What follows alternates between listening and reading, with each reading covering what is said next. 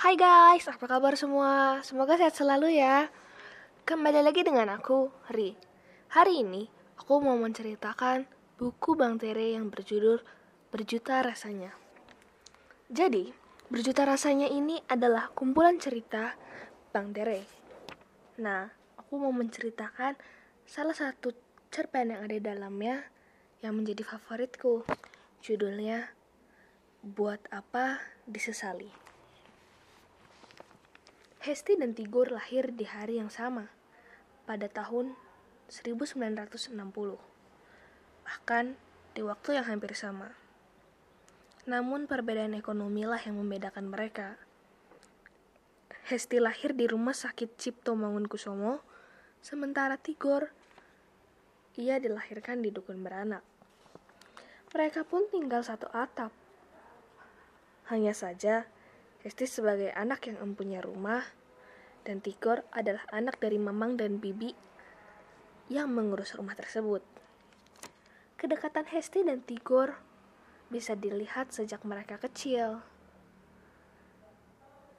Dan mereka sering kali diomeli oleh papa, ayah Hesti. Pernah suatu hari, Hesti dan Tigor bermain hingga malam dan Tigorlah yang diomeli oleh papa. Tak hanya itu, papa pernah mendapati kameranya rusak, padahal Hestilah yang mengambil, tapi Tigor yang ditegur oleh papa.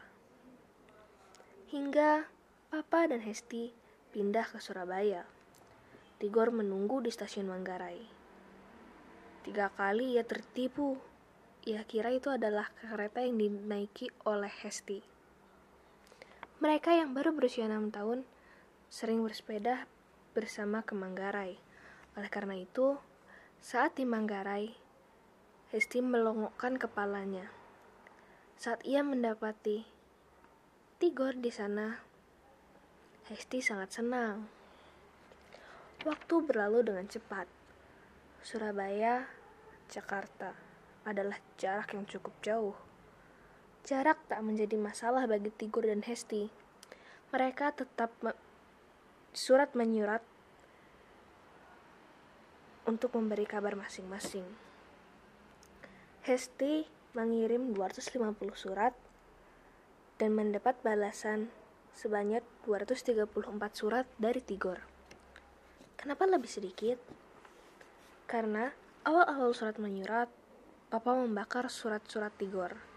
Alhasil, Hesti mendapat cara lain. Hesti menyuruh Tigor untuk mengirim surat-surat tersebut ke rumah temannya. 14 tahun berlalu. Hesti dan Papa kembali ke Jakarta. Namun, mereka tidak kembali ke rumah Menteng. Mereka kembali ke Jakarta di rumah yang lain. Hesti melanjutkan kuliahnya di UI Salemba. Dan Tigor, ia juga melanjutkan studinya di UI Salemba. Alhasil, mereka bertemu lagi tak ada yang bisa menghalangi mereka berdua. Apalagi kini mereka sudah dewasa. Benih-benih cinta telah tumbuh di antara mereka. Hesti menyuruh Tigor melamar Papa. Namun, Papa menolaknya mentah-mentah.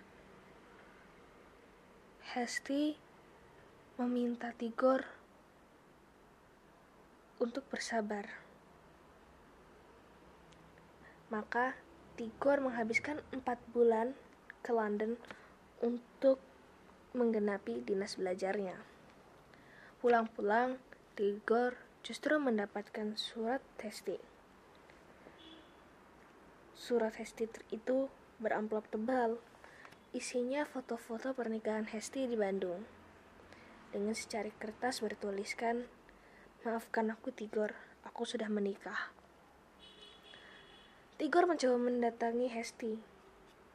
Namun yang ia temui hanya jasad papa dan Hesti yang duduk bersama seorang pemuda. Tigor pergi ke entah berantah. Dan Hesti tetap tinggal di Menteng. Tentu saja sendiri. Surat itu adalah konspirasi mama dan papa yang tak suka dengan Tigor. Saat Bibi meninggal, Tigor pulang dengan istri bule dan kedua anaknya. Ternyata Hesti tak pernah menikah. Tak ada yang disesali oleh Hesti. Untuk apa disesali? Sebab 25 tahunnya bersama Tigor sangatlah bahagia.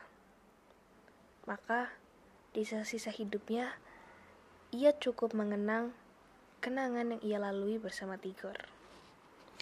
Dari skala 1 sampai 10, aku kasih nilai 10. Karena bukunya ini mengharukan, seru, dan ceritanya nggak pasaran. So, kalau kalian mau tahu detailnya, kalian langsung aja baca bukunya Bang Terelie yang berjudul Berjuta Rasanya. Sekian dari aku. Terima kasih. See you on my next podcast. Bye bye.